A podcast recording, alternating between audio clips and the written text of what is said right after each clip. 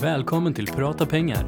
Podden där vi pratar aktier, fonder, sparande, pension och mycket mer. Här kommer Unga Aktiesparares VD Filip Scholtze och investeraren Niklas Andersson.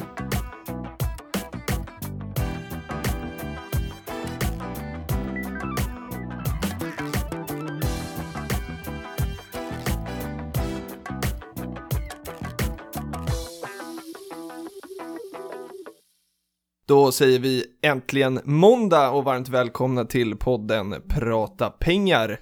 Hej på dig Niklas, Hej på dig Filip! hur är läget? Ja men det är underbart. Idag är det fredag morgon när vi spelar in. Jajamän. Jag älskar de här fredag tidig morgon.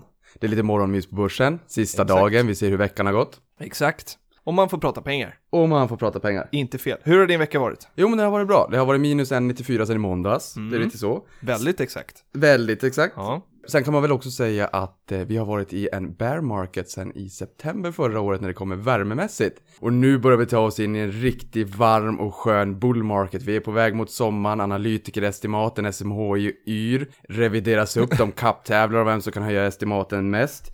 Vi ser många ledande indikatorer, blommor som poppar upp, himmel som är blå, solen kommer fram, det börjar bli varmt. Och inte minst, utdelningarna är snart på väg att trilla in. Ett solklart vårtecken. Som vi återinvesterar. Som vi Ja. återinvesterar. Sen har vi eh, de- deklarationen som faktiskt Just det, kommer den 20 22 mars. Exakt. Och då kan man se hur mycket skatteåterbäring man får, eller Ja. hur mycket man är skyldig. Som Robin Hood, prisa Gud, här kommer skatteåterbäringen. Den kan också gå in i portföljen så får man lite bra, eh, höjer man liksom årspremierna eller insättningarna. ja men det är ett sånt sätt att hitta de här dolda, dolda slantarna som Mm. kommer under året. Det kan vara löneförhöjningen, det kan vara om man får friskvårdsbidrag. Just det. Om man det är så att man betalar gymmet varje månad och sen får tillbaka ett friskvårdsbidrag i slutet på året, då kanske man förvisso har räknat med det, men det är så att då kan man lika gärna sätta av det rakt Ja. av till portföljen. Skatteåterbäring lika så. Om man, ska, om man får någon form av bonus eller vinstdelning eller vad det kan tänkas vara om in i portföljen. Just det. Så alla de här små extra pengarna, ibland är det så att man får lite extra pengar även för semesterersättning. Ja. Att man inte får det när man är på semester utan eh, man får det Betalas ut en klump. Ofta. på SEB fick jag det varje juni och varje december. Mm. Och då blir det också lite extra pengar, några tusenlapp i alla fall, in i portföljen. Mm. Eh, och verkligen hitta de här små extra slantarna. De gör skillnad. De gör skillnad, verkligen, på, lång- på lång sikt, det vet ni. Du, den här veckan har jag vänstrat lite grann. Jag blev inbjuden Jaså? av Businesspodden, heter Ja. det, som eh, tyckte att det vore kul om, om jag kunde vara med och, och vara gäst i Prata pengar-kostymen. Eh, och det tyckte jag var jätteroligt. Och det avsnittet släpps ju idag, måndag då, när det här släpps också. Och det var jätteroligt. Det var Josef och Micke som, som jag fick möjlighet att prata lite business med där. Och jag berättade om vad vi gör här och sen har ju de ett koncept där det är tre stycken som får skicka in pitchar på 90 sekunder tror jag att de var. Och så ska, skulle vi då bissa eller dissa de här. Och fick man eh, tre stycken bissar så, så går man vidare och får pitcha här för en affärsängel som är Isabella Lövengrip. Så det var jätteroligt. Och, och kul att liksom hitta den här uh, entreprenörer som, som tar fram en bra idé och så kan vi komma med prata pengar och finansiera det där om det, är, om det är roliga idéer. Vilket trevligt koncept, för vi är ju unga aktiesparare och vi har ju slantarna som vi vill investera i de här entreprenörerna. Exakt, och då är det kul att hitta dem tidigt. Kul! Så det, det vill jag bara göra ett medskick på, så gå in och lyssna på Businesspodden. Superengagerade killar som kör den där. Jätteroligt. Perfekt, spännande. Sen är det en lite speciell vecka den här veckan, det är Global Money Week. Visste du om det? Nej, Nej, det, det, det, är nog ganska Global Money Week every week för mig. Ja, sant. Bra svar. Men Global Money Week är en, eh, ja precis som det låter, ett globalt koncept som handlar om att det är lite olika teman varje år och i år heter det Take Part Save Smart och det handlar om att man vill få ungdomar, i alla fall de yngre personer att komma igång och spara tidigt och liksom lära sig om privatekonomi. Och då startade vi Unga Aktiesparare tillsammans med några andra organisationer, eh, Ung Privatekonomi och Finansinspektionen, Sveriges elevkårer, någonting som hette Money Week Challenge. Och det handlade om att vi eh, bjöd in fyra stycken gymnasieklasser som i måndags fick komma till Myntkabinettet och eh, eh lyssna på föreläsningar eh, om privatekonomi och sen gav vi dem en utmaning. Under den här veckan så skulle, eller då förra veckan nu när ni lyssnar på det här, så skulle de svara på ett case eller lösa ett case som handlade om hur ska vi få fler ungdomar att spara liksom smartare. Och nu spelar vi in det här idag fredag och i eftermiddag så ska de här på Myntkabinettet presentera det här. Och dit kommer Per Bolund och det är Patrik Rimlund från Lyxfällan som också sitter i juryn som ska bedöma det här. Så det där är jätte, jättekul. Det är så roligt att engagera de här ungdomarna. De går igång på tävlingar såklart, men det kändes också som att de gick igång på att prata pengar och, och privatekonomi. Superkul. Kul, det låter som ett väldigt bra koncept. Spännande, jag önskar att jag hade fått vara med där. Ja, vi är lite för gamla. Ja, men du, Har, vi inte, har inte vi sagt att ålder är bara en det. siffra på ett papper? det är det, mentala åldern. Ja. Hur gammal är din mentala ålder? 20? 20? Ja. Okej. Ja, Nej, när det kommer till placeringar är jag väl snarare 80 kanske. Ja, kanske 80. Ja. Strunt samma, man är där man är. Sen har det hänt någonting annat i veckan och det här ska ta oss in lite på dagens huvudämne. Amorteringskrav har det, pratat, har det pratats om den här veckan. Och det har ju pratats om det ganska länge. Det har ju varit någon kammarrätt i Jönköping som har slagit ner det här förslaget ett par gånger i alla fall. Men nu verkar det som att, som att det ska klubbas. Och, och vi kan väl bara, vi behöver inte läsa alla kriterier, men det det handlar om är att eh, politikerna vill få ner skuldsättningen för hushållen. Så att nu tycker man då, och jag tror att är det första juni det här ska slå in. Nej, Jag låter det vara osagt, men det är i, inom kort tid i alla fall. Eh, Nej, här- vet du vad? Jag tyckte jag såg en flash igår som sa första maj och jag Okej. reagerade på att det var så snart och jag reagerade på att det var första maj när det var röd dag och alla ska ut och demonstrera. Ah. Hmm. Första maj är väldigt snart. Ja, Jag, Men vi låter det vara lite osagt så Mm. får vi se. Men det handlar om i alla fall att man får inte belåna sin bostad till mer än 85%. Det är sen gammalt. Sen om man har lån på 70% eller mer av bostadens värde, alltså då 70 upp till 85, så ska man amortera 2% av hela lånebeloppet varje år. Och sen mellan 50 och 70% eh, så ska man amortera 1% av lånebeloppet varje år. Och jag vet inte hur det är med dig, men för mig om det här skulle slå in, eller om det hade gällt för mig när jag skaffade min bostad så hade jag varit tvungen att amortera mer än vad jag gör idag. Och, och man kan vrida och vända på det här på många sätt. Men det känns lite som en, en liten quick fix från, från politikerna här för att liksom, dämpa skuldsättningen någonstans. Och ja, jag vet inte, vad, vad tycker vi någonting om det? Ja, men både det och öka, eh, eller dra i bromsen när Mm. det kommer till momentum på prisutvecklingen. Mm. För Den har ju varit galen. Ja, man kan inte ha en prisutveckling där priserna kanske går upp sig 10% om året om lönerna går upp 1% om Nej. året. Det går inte. Nej. För vad det gör det är att det hela tiden expanderar någon form av ballong. Det vill säga att priserna stiger men i betydligt snabbare takt, tio gånger snabbare takt kanske än vad lönerna stiger. Mm. Och det gör att skuldsättningen, det vill säga lånen i förhållande till inkomsten Ja. expanderar och expanderar och expanderar. Till slut så smäller den där ballongen. Mm. Det går inte. Nej. Jag eh, jobbade ju på SCB tidigare och Mm. där hade jag ett, ett fall en gång där man skulle köpa en fastighet, inga konstigheter med det. Men pantbrevet som var uttaget på den här fastigheten, Mm. det här är egentligen bara en reflektion, det är Mm. inget konstigt i sig. Men det fanns 3000 kronor uttagna pantbrev under perioden 1929 till 1932. Okej. De två åren har man tagit ut pantbrev.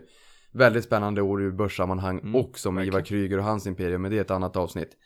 Eh, och pantbrev, när det kommer till fastigheter så finns det något som heter pantbrevsregister och pantbrev där man har ett värdepapper precis som aktier var fysiska en gång i tiden fram till 89-90 någon gång när de digitaliserades.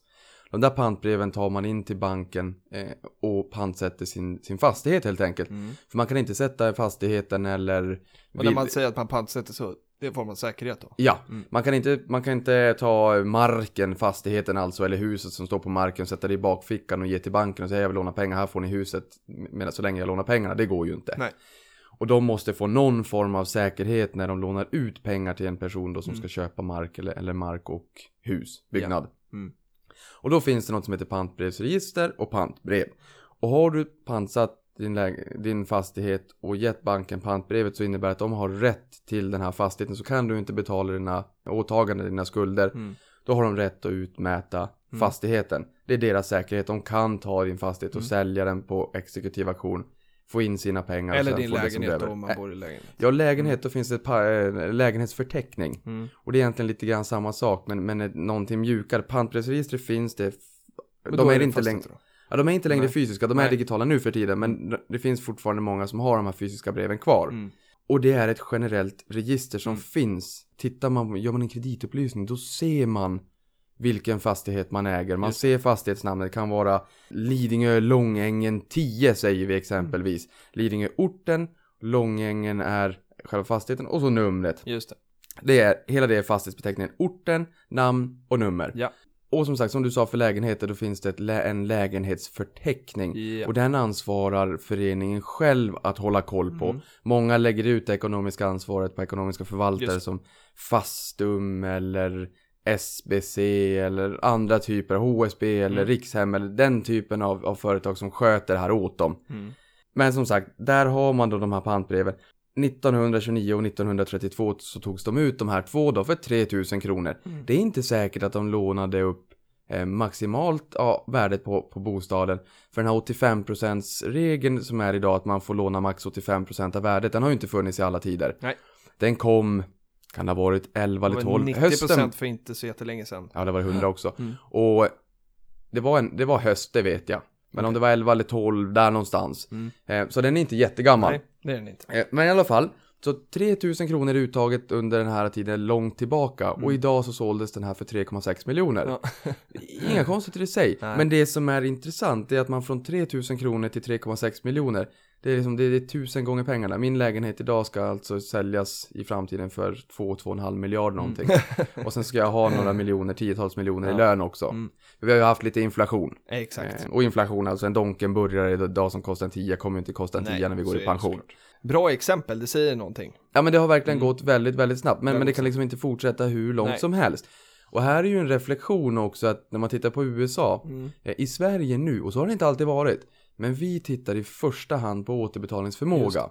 Vi tittar på att man har en lön och att man kan betala de löpande eh, räntekostnaderna.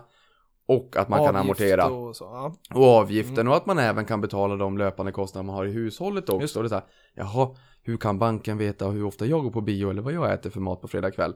Nej, men då har Konsumentverket schabloner som man räknar på. Mat kostar si och kläder så och sådär. Ja, Mm. och sen brukar man räkna på en 7% i räntekostnad också. Då tycker folk, är de alldeles knäppa? Mm. Men då vill jag göra med skicket att bolåneräntorna låg över 6% sommaren 2008. Mm. Reporäntan låg betydligt högre än vad den är nu. Den pikar på 4,75 där. Så så Men, men det galet vittnar är ju det lite inte. om liksom vilket galet läge det är. För att nu, när, som vi sa i, i förra avsnittet tror jag det var att snitträntan idag kanske är på 1,5 procent. Ja. Eh, och då tänker folk så här, ja men då, då har jag råd att låna jätte- jättemycket och betala, eh, ja det är inga problem. Eh, men då när man kommer till banken så säger de så här, ja vi räknar på att det är 7,5 procent. Så, så, så är det ju någonting som är skevt. Ja, och där har vi även USA. Man, där, de tittar mera på värde Mm. snarare än återbetalningsförmåga. Och där kan man väl säga att man fick låna över 100%. Jag tror man fick låna 107% för att komma igång och kunna köpa lite möbler också. Samma sak i Spanien fick man låna 115% när det small på den bostadsmarknaden.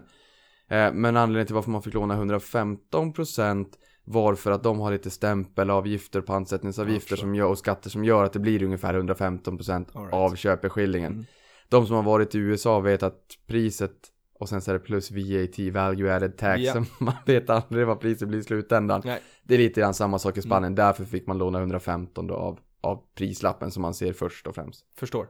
Men, eh, och, och till huvudämnet idag då. Vi fick en fråga på Twitter från Kristoffer Pettersson. Eh, och han skrev så här. Skulle vara intressant om ni kunde diskutera tankar kring första bostaden.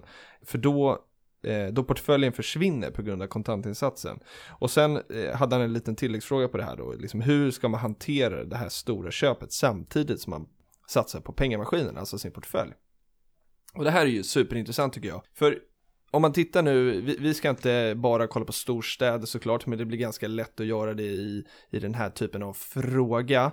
Eh, många vill ju bo i storstäder och sådär. Och om man tänker då att man är första gångs köpare, man ska köpa Eh, så var det för mig i alla fall. Jag köpte en liten etta som jag betalade 2 miljoner för. Och ska man köpa någonting för 2 miljoner då behöver man 300 000 i kontantinsats för, för det är de här 15 procenten då. Och 300 000 är ganska mycket pengar, eller det är väldigt mycket pengar. Och har man, om vi utgår då från liksom läget att, som, som han ställer i frågan, att man ska spara ihop de här själv, så tar det en jäkla tid. Ska vi göra något exempel? Det tar, hur mycket är rimligt att spara? Man sparar några tusen lappar i, säg att man sparar 2000 i månaden kanske. Hur lång tid tar det då? Ja, jag skulle nog säga så här att om man sparar 10 000 i månaden Mm, så tar det två och ett halvt år. precis. Och, Och- hur många kan spara 10 000 i månaden till en kontantinsats? Och också fokus, och lägga pengar i, i, i pengamaskinen. Ja, men där kan jag nog tycka att det är inte omöjligt att spara 10 000 i månaden och För att inte kasta sten i glashus så vill jag förklara lite grann hur jag tänker. Bra, för där var det nog många som satte kaffet i halsen. Ja, men grejen är att när du är ung Mm. och du börjar jobba, det kanske är så att du börjar jobba också samtidigt som du pluggar lite grann på kvällstid. Det är ju inget krav i sig. Men det kanske är så under gymnasietiden att man jobbar någon gång i veckan Mm. eller några gånger i veckan om man vill. Just det.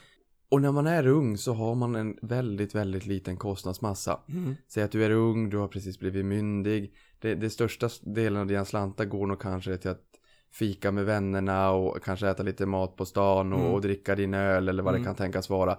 Det är in, och kanske någon resa också till, med kompisen för att, det, för att eh, det är kul. Men det kostar inte jättemycket pengar. Nej, men, men, men å andra sidan, eller ja, fortsätt. Ja, för där har du ju någonstans möjligheter att sätta av mer pengar Mm. än om du är 30-35, Mm. Precis fått barn, Mm. köpt bostad, Mm. man har köpt sin kombi Mm. för att kunna transportera sitt barn fram och tillbaka. Det. Det är barnvagn, det är blöjor, det är det ena och det andra. Ni kanske tror att jag har barn men det har jag inte, utan jag bävar för vad som komma skall i framtiden, för jag inser att det är dyrt. Men du har inte samma kostnadsmassa. Nej. Och det, med det menar jag att om du är en ungdom, vi säger att du kanske tjänar någonstans, jag vet inte vad som är rimligt idag och kunna Nej, men jag, gjorde, jag var ju i Kalmar förra veckan Ja. och då drog jag ett exempel för dem jag föreläste till. Och så, och så sa jag så här, ja, för det här var eh, studenter som pluggade ekonomi. Mm. Och då så sa jag att eh, när ni går ut härifrån och har tagit er, er fina examen eh, så får ni ert första jobb där ni kommer tjäna 25 000. Och det kanske är lite mycket också för, för ens första jobb, men jag tog det som ett exempel. Och så kollade jag på vad betalar man i skatt när man bor i Kalmar. Eh, och då tror jag att man skulle få ut 19-20 någonstans. Och ska man spara 10% på det så är det 2000 kronor. Ska man spara 10 000 på det så är det 50% av, eh, av lite till då, eh, av vad man faktiskt tjänar. Och ska man då, har man då inte möjlighet att, att köpa sin egen bostad så att man kanske tvingas säga nu, men hyra då en bostad, kanske i värsta fall i andra hand, så är ju de i alla fall där vi sitter här nu i Stockholm sjukt dyra. Och då är det helt omöjligt att spara 10 000 kronor. Ja, det är där, där blir det ju tråkigt, för Mm. där håller jag med dig helt. När det kommer till Stockholms bostadsmarknad och andrahandsmarknaden Mm. och de priserna man får betala så är det ohyggliga priser. Eh, Och det blir lite grann en krockkudde för hur man ska argumentera för varför det fortfarande kan vara rationellt att köpa. För köpa sin bostad gör att det är en betydligt lägre månadskostnad allt annat lika om man jämför med samma kvadratmeterpris andrahandshyra. Det är helt ohyggligt Det är helt galet. Ja, Men det jag tänker där, det var nog inte riktigt kanske universitetet för då Nej. har du börjat komma ändå lite längre och där kanske man inte riktigt kan jobba heltid på Nej. samma sätt. precis. Utan jag tänker mig kanske när man är ung, om det är så att man ska ha gymnasiet kanske. 17-18, man Mm. kanske har något Mm. extra jobb vid sidan av. Om det är så att man jobbar extra Mm. och jobbar lite grann under ett sabbatsår innan man börjar studera på universitetet. Då har man ju den möjligheten, men är det så att man går direkt från gymnasiet till universitetet, ja då blir det ju inte lika enkelt. Nej. Och när du kommer ut, Mm. då har du ju blivit så pass mogen att du känner att du vill ha ett inom citationstecken vuxet leverne. Det, det räcker inte med Nej. lite hårdbröd, knäcke och, och en, en öl med kompisarna utan då har man en, börjar man få en annan kostnadsmassa. Verkligen. Man är inte inne på den här kostnadsmassan med två vuxna och barn på Nej, väg och Nej. Men den är bostad betydligt och- högre i alla fall. den är betydligt högre. Men om man där i skarven skulle kunna Mm. jobba och försöka jobba så mycket som möjligt. Kör ett eller något hundår. Mm. Det är som jag sa till min lillebror. Han bodde hos mig i Stockholm under ett års tid och jag tvingade honom att spara 10 000 i månaden. Mm. Och han bodde där ett år, det vart ju 120 000. Ja. Det blir ändå rätt bra med pengar och Då han var gång. 20. Mm. Sen åkte han på en inom citationstecken språkresa och brände allt det där och lånade ännu mer pengar av mig som han fortfarande skyllde mig. Så han valde att slösa bort dem. Ja. Men, men jag vill bara peka på att det går faktiskt. Jo, men, men, men det finns ju tycker jag ett, ett ganska stort problem och någonting som politikerna behöver lösa eller liksom verkligen fundera på för att det här är ju en riktig liksom eh, eh, någonting som kan skapa klyftor i vårt samhälle. Det finns Oh ja, redan klyftor oh ja. men det kan bara spä på det. För tillbaka till mitt eget exempel då. Jag hade inte 300 000 när jag skulle köpa min första bostad. Utan i det här fallet så, så hade jag tur att mina föräldrar har varit med på en fantastisk bostadsresa. Och då kunde de gå in som medlånetagare och, och liksom säkra upp dem mot banken och säga så att ja men, men eh, vi står med här och vi har en säkerhet som, som är betydligt högre än vad jag hade. Och då tänker jag så här, hade jag inte haft det och det det är väldigt många av dem som jag känner som jag vet har haft råd att köpa bostad har haft det för att de har haft föräldrar som har kunnat hjälpa till.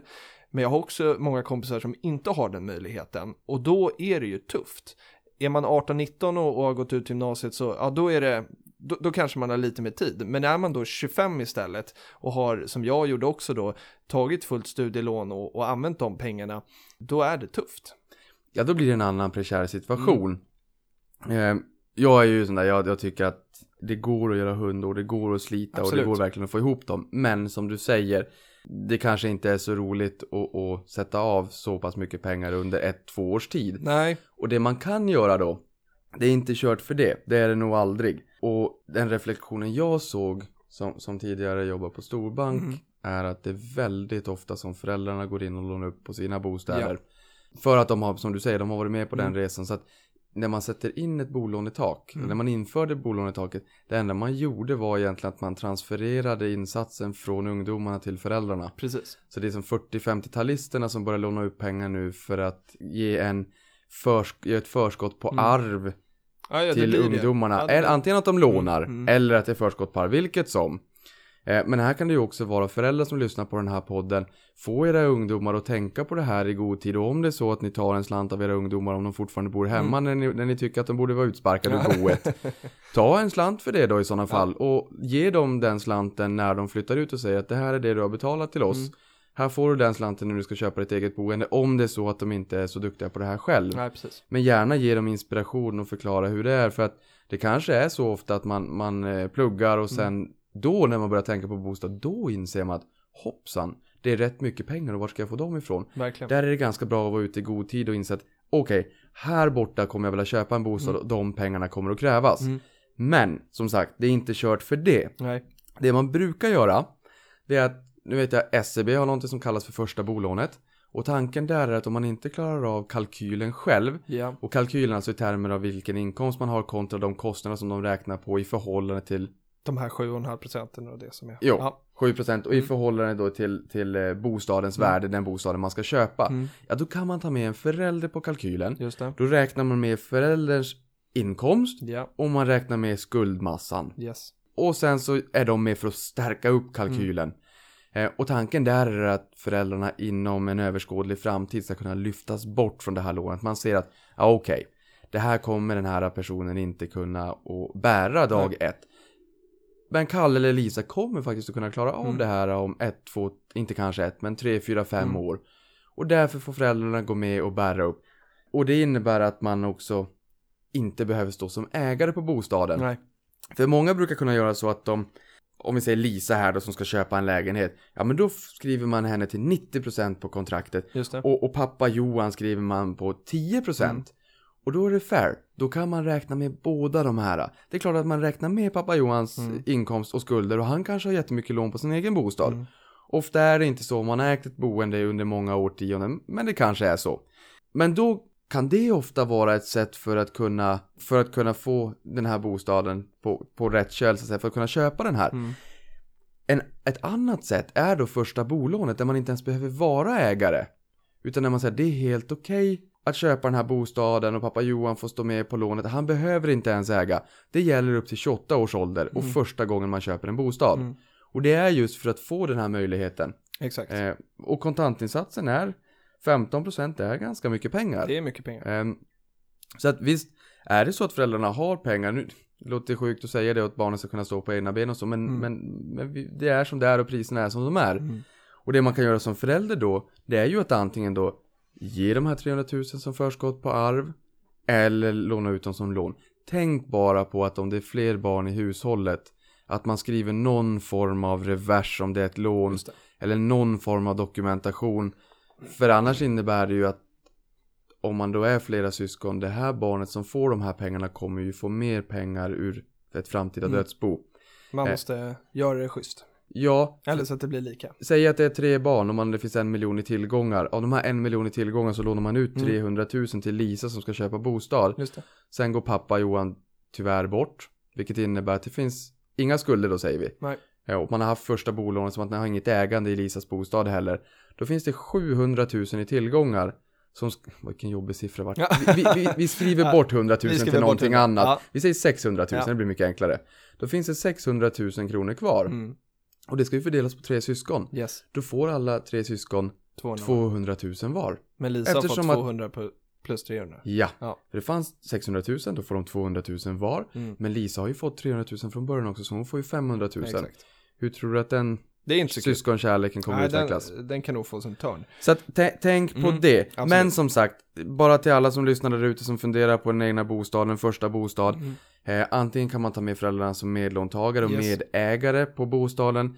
Eller så kan man ta motsvarande vad SEB har och det är ju för att jag har jobbat där. Jag Ja, vet inte nej. exakt hur det ser ut på de andra men det de har liknande. liknande. Ja. Eh, första bolånet, ta med föräldrarna för att stärka upp Mm. kalkylen för att kunna då få möjlighet att faktiskt köpa den här första bostaden. Men och, och, och någonstans här, eh, vi ber om ursäkt Kristoffer, men vi kan inte svara på den här frågan. Vi kan bara bolla kring den. Men vi tycker den är superintressant, för det finns inget liksom klockrent svar. Det, är, det finns så tusentals olika situationer eh, som, som gör att så här, det går inte att ge ett svar på hur man ska hantera en sån här situation, utan man måste gå till sig själv. Det svaret vi kan ge, det är ju liksom tillbaka till ränta på ränta-effekten och, och vikten av att spara i tid och också det här med att spara till barn. Så där vill vi göra ett litet medskick till eh, framförallt ni som lyssnar som är unga föräldrar och har, har små barn, börja spara i tid till barnen. Och det behöver inte, då behöver det verkligen inte vara de stora slantarna om barnet är nyfött eller ett par år fram till att barnet kanske är 20 så har ni en fantastisk eh, möjlighet att kunna eh, ge barnet en, en sån liksom, förutsättning att kunna köpa sin bostad kanske och sådär. Ja, men sen finns det ju just på den här frågan om hur man ska hantera de- det stora köpet när man samtidigt satsar på pengamaskinen. Där Ja. finns det ett givet svar. Intressant. Ja, Shoot. Ja, och det är att om det är så att man har en slant i portföljen som man då kommer att behöva till den här kontantinsatsen. Okej, fine, livet kanske ibland kommer före portföljen. Mm. Eh, inte för mig, men för alla andra. Och det man ska göra där i sådana fall, det är att man inte sätter av, man stoppar inte sparandet till portföljen. Nej, det kan är vara sant. så att man sätter av 10% av Mm. portföljen som kanske några tusen lappar. Mm.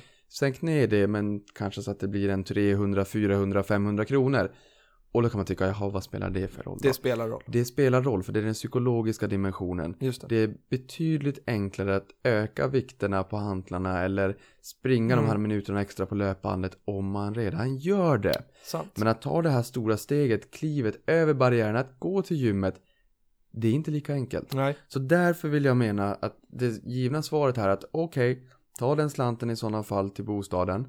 Men fortsätt att spara till portföljen så att du inte tappar intresse, så att du inte tappar kollen, så att du inte tappar beteendet att hela tiden spara till portföljen. Och så fort du har möjlighet så jackar du upp nivån så att Ja. den kommer till din gamla ni- nivå. Eller någonstans tumregeln som vi Mm. brukar säga 10% av inkomsten.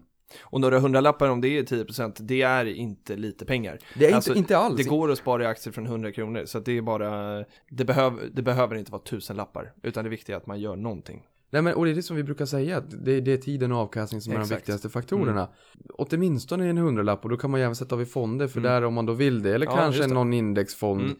Eh, om det börjar komma ner mot en hundralapp för då kan det vara så att minimikortaget Ja, ändå just det. är, eh, Det blir ganska stort. ja, Mm. även om, om man kan handla för en krona på Avanza Nordnet så en krona av 100 kronor är en procent. Så det Ja. börjar vara, vara ganska stort. Mm. Men sätt av pengar till portföljen, glöm inte det Nej. snälla. Nej. Eh, det är otroligt viktigt så att man inte tappar kontinuiteten. Verkligen. Eh, och inte tappar intresset. För där möter jag människor så ofta Mm. när man kommer in på, det finns av någon konstig anledning så brukar min hjärna fungera så att jag kommer in på aktier. Ja. Vem jag än träffar, hur jag Men det är gör. bra. Eh, Det och är- där brukar många äldre säga att när de har lyssnat en stund, Mm. förbannat, Mm. ursäkta svordomen, Mm. Varför tänkte inte jag på det här tidigare? Exakt, och det är därför den här podden finns ju. Ja, Ja, vi måste få dem. Och jag, jag tänkte vi ska, vi ska avrunda det här eh, exemplet. Men eh, du sa någonting som var intressant om att man har med föräldrarna som eh, medlånetagare då kanske. Och sen hoppas man att man ska kunna bära den här själv i slutet. Och här har jag eh, mitt personliga exempel som jag ska stänga nu. För det var precis så. Jag fick med mina föräldrar som medlånetagare. Jag trodde att jag köpte på, på toppen av den här galna Stockholms bostadsmarknad. Och sen gick tiden och sen gjorde jag en omvärdering. Och det här var inte ens ett år efter att jag hade köpt. Och då hade min bostad gått upp med, jag tror att det var 10-15% i värde.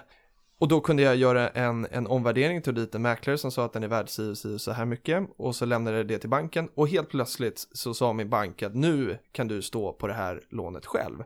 Och då hade inte jag skjutit in liksom, några mer pengar, jag hade visserligen amorterat under den här perioden och så. Men det är ju ganska sjukt.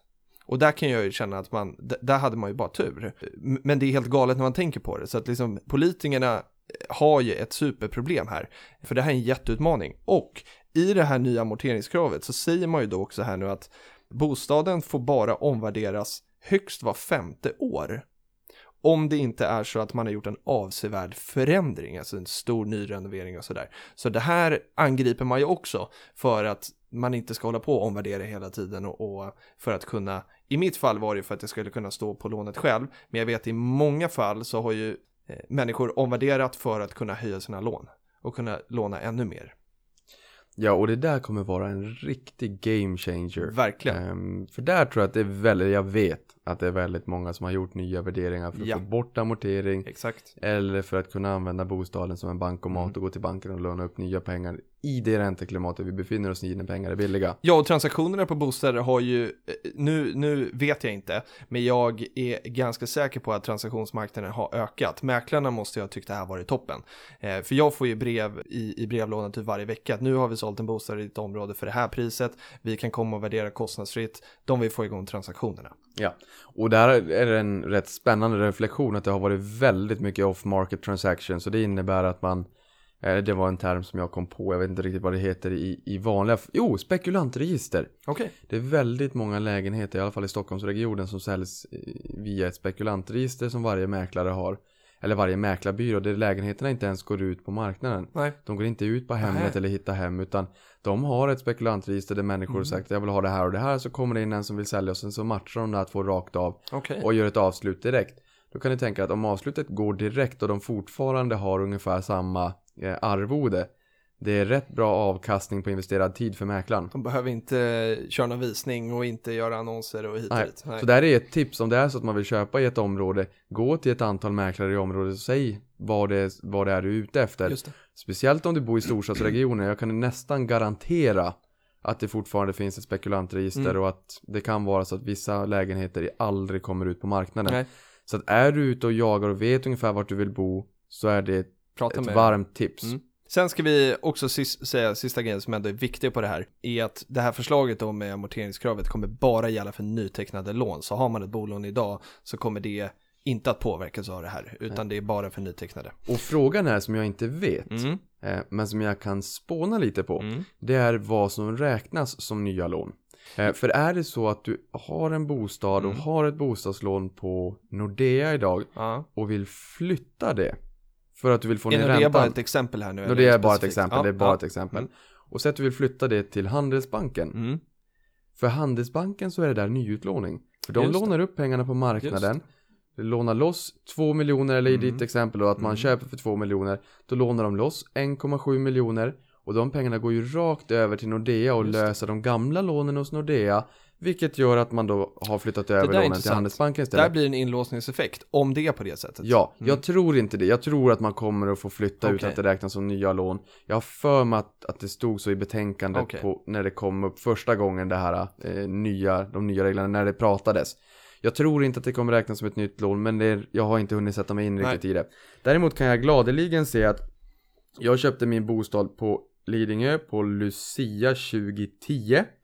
Hände ingenting. Av någon konstig anledning så känns det som att folk måste ha en koppling till Lidingö för att flytta dit. Jag landade där på ett bananskal och jag tycker att det är, jag är norrlänning, jag gillar vatten, jag gillar Mm. natur Mm. och jag gillar att inte bo precis mitt i smeten Nej. i stan. Jag är inte som alla andra, jag vill inte, behöver jag inte bo är innanför precis som tullarna. du, jag bor också utanför.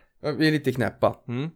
Nej, det är ganska skönt faktiskt. Det är Ja. skönt, men idag, jag får reflektionen där att det är så många ungdomar som ser det som en, en allmän rättighet att bo innanför tullarna. Mm. Och det är då vi också börjar se de här otroligt höga kontantinsatserna. Man kan faktiskt söka sig en bit utanför, säger jag som utbörling från början. Jo, Men, det är roligt att se att jag köpte för 1 950 så, eh, Lucia 10 då. ja. Och det hände inte så mycket de första åren. Nej. Sen är Norra länken klar nu. Mm. Eh, och det jackade upp priset ganska snabbt. Eh, och idag, den har vi gått som mest för från 1950 till runt 3,5 miljon. Mm. Men om jag slår ut det här. Ja. I och för sig, det där är bara, och det är bara papper, pengar på pappret. Jo. De riktiga pengarna, Mm. det är i portföljen. ja. Och kassaflöde, utdelning. Yes. Men om jag slår ut det här så är det en tillväxt på 12,4% om året. Mm. Jag vill ha mer i portföljen. Det, det är, jag blir glad Mm, att se mm. att, att lägenheten inte har Överpresterat min portfölj. portfölj. När alla säger att, eller många säger att det här är min pensionsförsäkring Mm. och min bostad är min trygghet. Nej, Nej. det för grejen är att om du äger en bostad över tid Mm. eh, och när du kommer på ålderns höst, det är inte alls säkert att du vill flytta. Nej. Du har så starkt affektionsvärde och det. känslomässigt band till din bostad. Det kan vara så att om barnen är utflugna, om det är så att man har Mm. barn, att man vill köpa, byta ner sig och bo på något lite mindre. Man kanske inte vill dammsuga den här stora bostaden Nej. som man hade när det var en full familj med Nej, massa barn som sprang runt. Nej, Men det är inte säkert att du vill flytta. så är det. Och då är pengarna inlåsta. Mm. Aha, tänker folk, då Mm. lånar jag upp pengarna istället. Mm. Nej, Nej. det är inte alls någon garanti. För är det så att förr i tiden var det vanligare att, att kvinnorna var, eh, gick hemma. Just det. Så är det ju inte nu för tiden i, i moderna Sverige utan nu arbetar båda. Men det är fortfarande vissa sådana här fall när kvinnorna är mammalediga. Mm. De lever också lite längre eh, statistiskt sett. Så att om mot förmodan mannen skulle falla ifrån Ja. så kommer kvinnan inte ha upparbetat lika mycket pension. Nej. För att oftast, än så länge, männen börjar bli bättre på det här har jag sett. Men än så länge är det kvinnorna som tar, drar det stora lasset Yes. när det kommer till mammaledighet. Och i och med att man då lever statistiskt så ska den allmänna pensionen från staten, den ska räcka lite längre vilket gör att man stretchar ut det där. De får lite mindre av den anledningen. Och det gör att, säg att du på ålderns höst, du är där själv, peppa peppa, jag hoppas inte att så är fallet, men om då mannen skulle ha, ha fallit ifrån. Sen är det ju, vi ska väl lägga in en disclaimer, det är inte säkert att, att alla hushåll är kvinna man Nej, heller. Men, men nej, det, är är bara ett klart. exempel. Eh, då kanske det är så att, man, att man inte har så hög pension. Nej. Och i Sverige tittar vi på återbetalningsförmågan. Just det. Då är det så här, okej, du har en, en bostad som är värd 4 miljoner säger Mm. vi. Och den är knappt belånad alls. Nej. Men du har en garantipension på 7000 kronor. Du har inte råd att betala Du har inte råd att betala räntekostnaden. räntekostnaden. Då har bankerna någonting som Mm. heter seniorlån Ja, det eller finns, så, någonting. det finns något sånt där. Ja, just det, det är ett sånt där alternativ Ja, där du får ut en slant det. pengar och sen blir det egentligen en ränta på ränta exempel. Istället för att betala räntekostnaden och amortering så läggs det på lånet och då Ja. det går väldigt fort till, Yes. till dess att det där lånet växer och blir väldigt stort Mm. lån. Eh, För det blir verkligen ränta på ränta effekt där men, men på skulden istället. Exakt. Men är det så att man inte har några, några eh, nära och kära kvar Nej. och pengarna får man inte ta med sig den dagen man släcker ögonen, ja men då spelar det ju ingen roll. Eh, Men som sagt, det är inte, det är inte jätteenkelt där heller. Nej. Det är ingen garanti för att man har bostaden, att man kommer att sälja den och slanta hem de här pengarna och köpa något mindre och få loss pengar. det. Och det är ingen garanti heller att man kommer kunna ha en återbetalningsförmåga och låna Nej. upp pengar på den här bostaden. Så där är det verkligen en sån där väckarklocka och, och pekpinne som jag vill skicka Mm. med. Eh, tänk på att ha en balans mellan reala och finansiella tillgångar. Verkligen. Reala i termer av fastigheter, Mm. lägenheter och vad det, allt Mm. sånt vad det kan tänkas vara. Och finansiella, aktier, fonder. Mm. eh, pengar på kontot, sparbuffert. Så att man, liksom, man har alla, alla tårtbitar i Exakt. tårtan. Jag ska dra ett sista, eh, en rolig grej som jag hörde igår på nyheterna. För du sa det här med att eh, du hellre vill ha pengarna på börsen än i lägenheten för att det är Mm. bättre avkastning. Donald Trump är ju i hetluften, minst sagt. Och, Ja. då, och då var det så här att eh, professor han väl, Paul Krugman i, eh, i ekonomi, kan inte titeln exakt, men han är känd ekonomityckare och eh, kunnare. Nobelpristagare tror jag också. Ja, ja, jo men det till och med. Mm. Ja, bra. Eh, han vet vad han snackar om. Mm. Han sa att i, med Donald Trump, Donald Trump är, ärvde ju en massa pengar från sin far tror jag att det var. Han hade ju så jobbig start när han började med en miljon dollar. En miljon dollar. Stackarn. Ja, tufft. Och sen har ju Donald Trump fortsatt att bygga ett fastighetsimperium. Men Paul Krugman menade då att han är kanske inte så vass affärsman som han försöker liksom framstå. För han menade att om, han, om Donald Trump hade lagt de här pengarna som han ärvde i en indexfond så hade han haft mer pengar idag än vad han faktiskt har. Det tyckte jag var Nej. skitkul. Jo. sen har jag ingen källa på det förutom Paul Krugman, men, men jag tyckte det var jätteroligt. Ja, det tyckte jag också var roligt. Nu Niklas, nu är det dags för nyhetssvepet. Ja, ja men vad bra. Underbart. Det har jag sett fram emot. Då börjar vi så här. Börsmorgon, Dagens Industri. I Just det. måndags så lanserade man något som kallas för Börsmorgon. Mm. Och det är en 20 minuters sändning varje morgon från 8.50 strax innan börsen öppnar Ja. till 9.10 strax 10 minuter efter att börsen har öppnat. Jag gillar att titta på EFN Börslunch varje dag och Dagens Industri på morgonen är ett klockrent komplement. Man har ju haft börs, eh, Börsmorgon på tre minuter där då, när de Mm. filmade Periscope. Just det. Men här får man mer en, en djuplodad Mm. nyhetssändning i rörligt format de första 20 minuterna, 10 minuter innan börsen öppnar, 10 minuter efter att Mm. börsen öppnar. Titta på det. Jag tycker att Kan det, man se det i efterhand också? Jag tänker men om det- man börjar jobba man Ja, det, det ska man nog borde kunna göra. Det borde man kunna göra. Mm. Annars hade det varit dumt om de tar bort, tar bort det. Det är jag helt Kul. övertygad om att de kan. Kul! Ja. Nästa. Utdelningssäsongen börjar. Jag såg i Dagens Industri här för en tid sedan att man sa att utdelningstillväxten på Stockholmsbörsen skulle vara runt 9% i år. Eh, vilket är ganska högt. Jag har återkopplat till det här eh, Med inkomst. inkomst av Ja. Mm. tjänst kontra inkomst av kapital. Man kanske får 1% inkomst av tjänst men 9% inkomst av kapital. Och de två spreadar isär. Det är rätt stor skillnad Ja. mellan de två. Du, Och igen då, så utdelningarna är inte 9%, de har ökat med 9%. de har ökat med Ja. 9% gentemot förra året. Ja. Snittet på Stockholmsbörsen vad vad roligt att du säger det, för att någonstans här, någon kilometer ner i mina papper Så har du skrivit ner det? Ja.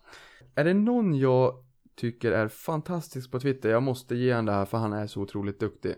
Eh, Då är det Erik Hansén på IG Markets. Mm, kul. Eh, Han har statistik som ingen annan. Mm.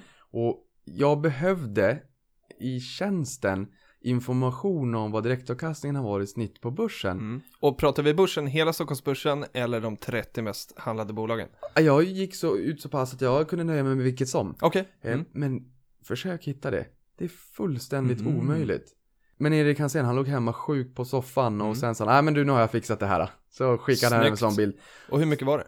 På 20 år, Mm. eller om vi säger så här, idag är snittet på börsen, OMXS30 i det här fallet nu Ja, då, okej. hans siffror, Mm. 3,6%.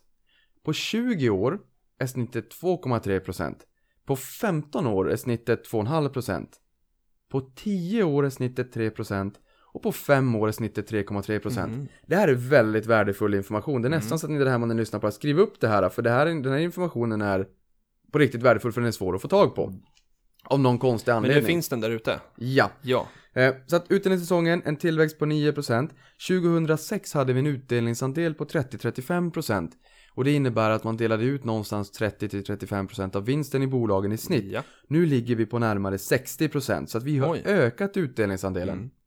Vad säger det då? Att bolagen har ingenting att investera i? Nej, det, Nej. Det, det är lite talande för den världen vi lever i. Och, och tillväxt är hårdvaluta. Ja, det är svårt att hitta tillväxt kanske. Verkligen. Mm. Organisk tillväxt, alltså att man växer för egen maskin, är väldigt jobbigt idag. Så många börjar snegla lite grann på förvärvad tillväxt, att man köper andra bolag och försöker hitta tillväxt eh, på den vägen. Just det. Exempelvis Indutrade på börsen, fantastiskt bolag, duktiga på att förvärva bolag.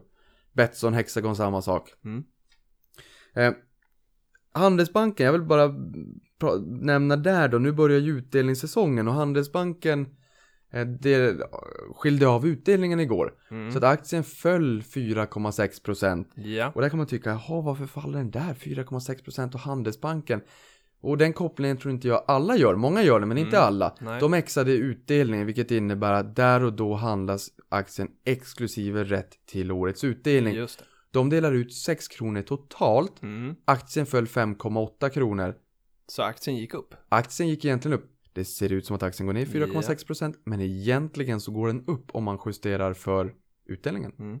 Det här är en liten tankenöt. Det kommer, jag tycker i alla år som, som jag har varit intresserad av aktier så, så undrar folk kring det här och jag gjorde också det från början innan jag liksom förstod det. Men anledningen är att det går ner, går ner är ju för att liksom bolaget skiftar ut pengar, de skiftar ut värde och då måste aktien liksom justeras ner teoretiskt och motsvarande. Ja, Mm. vi gör så här. Vi tar ett snabbexempel. Ja. Eh, jag vet att ni snart kommer blänga på Nej, det är ingen fara, vi, vi har ganska bra med tid faktiskt. Ja, men bra.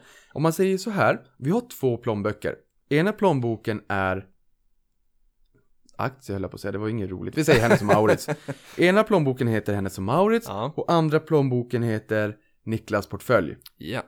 Om vi har 100 kronor i plånboken Hennes och Mauritz. Mm. De delar ut 9,75. Mm. Det var, vi tar 10 kronor för det blir mycket 10 enklare. Mm. Om vi då har 100 kronor och sen delar de ut 10 kronor. Mm. Det här är bara ett exempel, de delar absolut inte ut 10%. Eh, vi tar från plånboken Hennes och Maurits. Ligger en hundralapp där i. Ja. Vi tar 10 kronor av hundralappen. Flyttar över dem till Niklas portfölj. Nu, nu ser ni smil, smil, smilbanden går upp här, här. In med pengar i Niklas portfölj. Ja. Vi har flyttat över 10 kronor till Niklas plånbok. Mm. Det innebär att hur mycket pengar har vi kvar i Hennes och Maurits plånbok? 90. 90 kronor. Mm. Och 10 kronor i min. Ja. Det innebär också att kursen på aktien måste ju justeras. För vi har ju tagit Pengar. 10 kronor Mm. från H&M och lagt in i den där portföljen. Det innebär ju att aktiekursen, allt annat lika som vi ekonomer gillar att säga, Ja. allt annat lika, så ska ju den kursen falla 10 kronor. Yes. För vi har ju flyttat 10 kronor Exakt. rakt ner i plånboken hos mig. Ja. Sen beror det också såklart på hur man värderar bolaget. Men som sagt, som jag sa, allt Mm. annat lika. Tar vi 10 kronor därifrån, ja då ska kursen ner Mm. 10 kronor. Och då kan man säga med Handelsbanken då som, som hände igår torsdag var det då va? Mm. Eh, att allt annat lika så, så justerades den här ner men sen var det också då någonting som gjorde att aktien faktiskt gick upp. Ja. Ja. Och det kan ju vara allmänt börssentiment, att börsen går upp Exakt. den dagen, att Ja. den sticker upp lite grann. Precis. Men det är ju att värdet finns ju fortfarande kvar. Mm. För av den här initiala hundralappen, ja då är ju 90 kronor i, i hennes Maurits plånbok och 10 kronor är i min plånbok. Mm. Precis. 90 plus 10 är 100, så att ingenting har hänt. Ingen skillnad. Om man nu skulle justera det där, så egentligen det enda som har hänt är ju att hennes Maurits har gått upp lite, lite grann på börsen. Eller i det här fallet då, Handelsbanken, Mm. har ju faktiskt gått upp lite grann. Mm. Så att det man enkelt kan göra, titta på Handelsbanken eller den aktien som då exar utdelning. Mm. Istället för att titta på den procentuella utvecklingen, snegla på siffran hur många kronor och ören den har gått ner den dagen. Vilket jag gjorde. Ja. Okej, den har gått ner 5 kronor och 80 öre, men utdelningen var 6 kronor. Ja. Vilket gör att den har gått upp. Mm. Så Bra. Att, och när, när, när stora stabila aktier går ner sådär mycket så brukar det oftast vara antingen någonting speciellt som man ser i nyhetsrapporteringen eller i den här perioden när det, regn, det är monsun, monsunperiod, det regnar pengar. Då är det ofta utdelningarna. Yes. Börsen, Mm. börsen öppnade ner i år, var en av de sämsta börsstarterna i modern tid. Vi föll till minus 13,8% fram till 11 februari, det var ett massivt säljtryck. Sen, det här har vi sagt tidigare Mm. också, men börsen steg 11% på sju börsdagar. Otroligt. På tal om att hur snabbt det kan gå. Sen steg den 14,8%. Det är en årsavkastning på sju dagar. Ja. Mm. Sen på en månad fram till 14 mars så steg den 14,8%. 15% är en magisk siffra. Mm. Det fördubblar pengarna vart femte år. Ja. Exakt fördubblar pengarna Mm. vart femte år. Eh, sen har vi Dow Jones som Ja. är amerikanska börsen. Eller en av dem, är gamla råvarubörsen. De har kommit in igår, bröt de den magiska gränsen och kom precis in i positivt territorium för hela året. 0,32% plus. Sen såg jag här under natten att, eller egentligen S&P 500 stängde ju igår då vid 10, men de har 0,2 procentenheter upp till positivt territorium, så vi är väldigt nära även där. Mm. Oljan, 40 dollar fatet, första gången sedan december 2015 och 54% upp på fem veckor. Bra Så- avkastning. Bra avkastning. Eh, Jag investerar inte i råvaror. Inte jag. Jag såg orangea kuvertet, en spännande kuriosa igår. Om man hade lagt alla fysiska kuvert, orangea kuvertet är ju alltså den allmänna pensionen Den där då. var jätterolig, jag Ja. såg den. Ja. Vem De- var det som skrev den? De trycks i Landskrona. Ja. Det var en pensionsspecialist på Pensionsmyndigheten som Okej. skrev det. Mm. Och hon heter så mycket som Monica, Just det. hon som skrev det. Mm. Det var jätteroligt. Monica Pettersson på Ja. Pensionsmyndigheten. Mm. Eh, Så om man hade lagt alla de här eh, orangea kuverten bredvid varandra så hade de räckt från Landskrona där de trycks Mm. så hade de räckt ända ner till Ankara i Turkiet. nu går ju inte det eftersom att de här ligger på hatthyllan och folk öppnar inte dem där för det är Nej. lite ont i magen. Men om man hade liksom Kanske skulle ihop- kunna spara både pengar och miljö och eh, sluta skicka ut dem där. Ja, Mm. 7,1 miljoner an- i, i kuvert. Otroligt. Biometri, Mm. Fingerprint och eh, den typen av bolag. Ja. Eh, biometri spås öka till 30 miljarder, alltså den globala Marknaden. Eh, marknaden spås öka till 30 miljarder US-dollar 2021. Mm. Och det är en tillväxt på 118% från dagens nivå. All right. Eller från 2015 ska jag säga. Vem spår att det ska göra det? Att det ska bli så? Ja, det var Six. Var det Six? Si- Okej. Nyhetsbyrån Mm. Six som Okej. skrev det här. Mm. Eh, och fingeravtryckssens eh, inbäddade fingeravtryckssensorer spås Mm. öka 40%. Okej. Jag äger inga pengar i Fingerprint. Inte jag Jag, tycker det är lite läskigt med de stora svängningarna som är i bolaget, men det är ju makalösa tillväxtsiffror man ser Och rapporteras. nu har vi ju sett eh, deras vd också, Jörgen Lanto, både på Nordnet Live och Avanza Forum. Ja, jag tycker han ger ett väldigt gott intryck. Han känns som en, en, precis som vi nördar kring aktier så känns det som att han är nörd kring eh, det de gör, alltså eh, Fingerprint. Mm. Eh, och, och hur man, ja, jag, eh, Och, det, Vi, vi sa ju någon podd tidigare att vi ska kolla mer på Fingerprint och vi kanske ska göra det. och det, det ska vi Ja. göra också för att vi tror båda har dålig koll för att vi har hållit oss ifrån bolaget.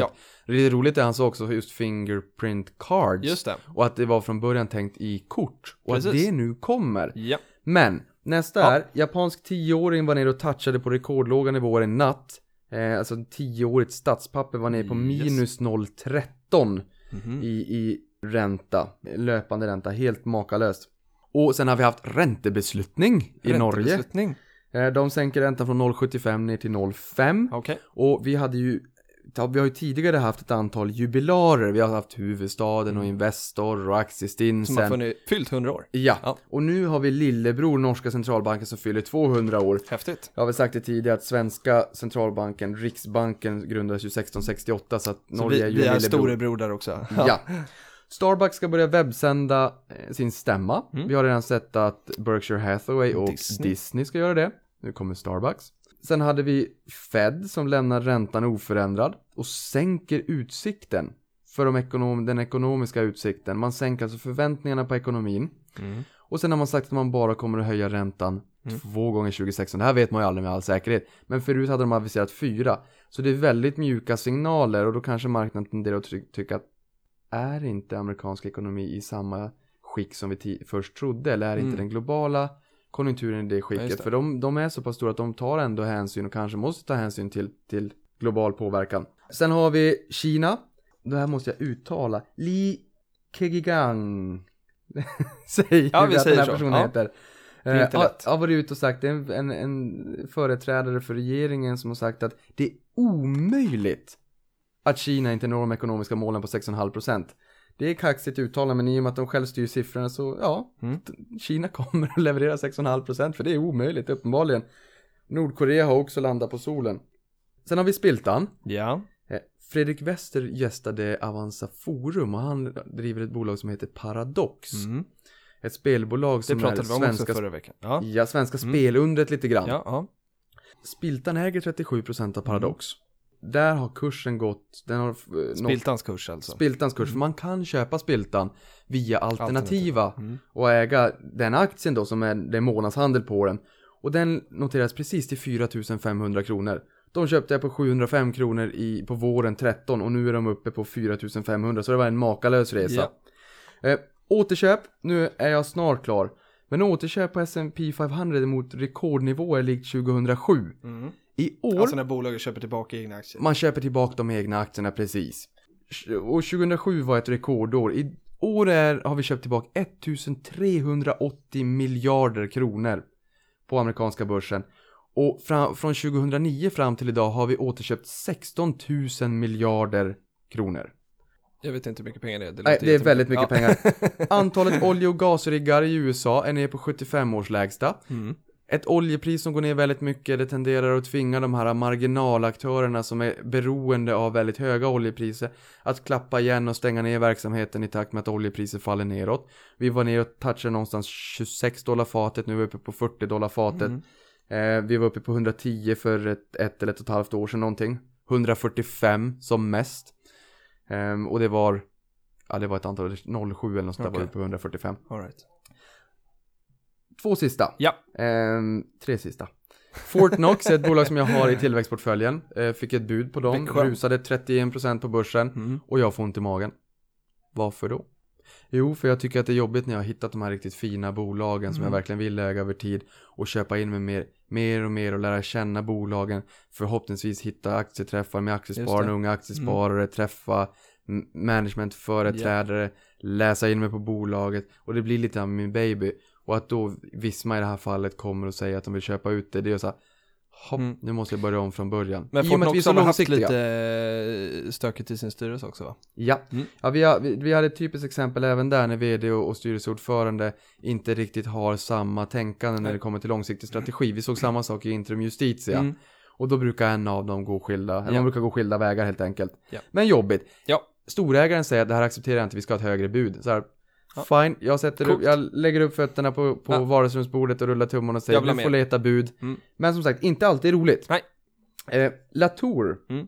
investmentbolaget Latour Mm. var också på Avanza Forum. Det var De har levererat 68 391,6% sedan 1985. Otroligt. Det är 23,3% om året. Det är helt fantastiska siffror. Bra jobbat. Bra jobbat Jan Svensson. Och bolag. Ja. Sista.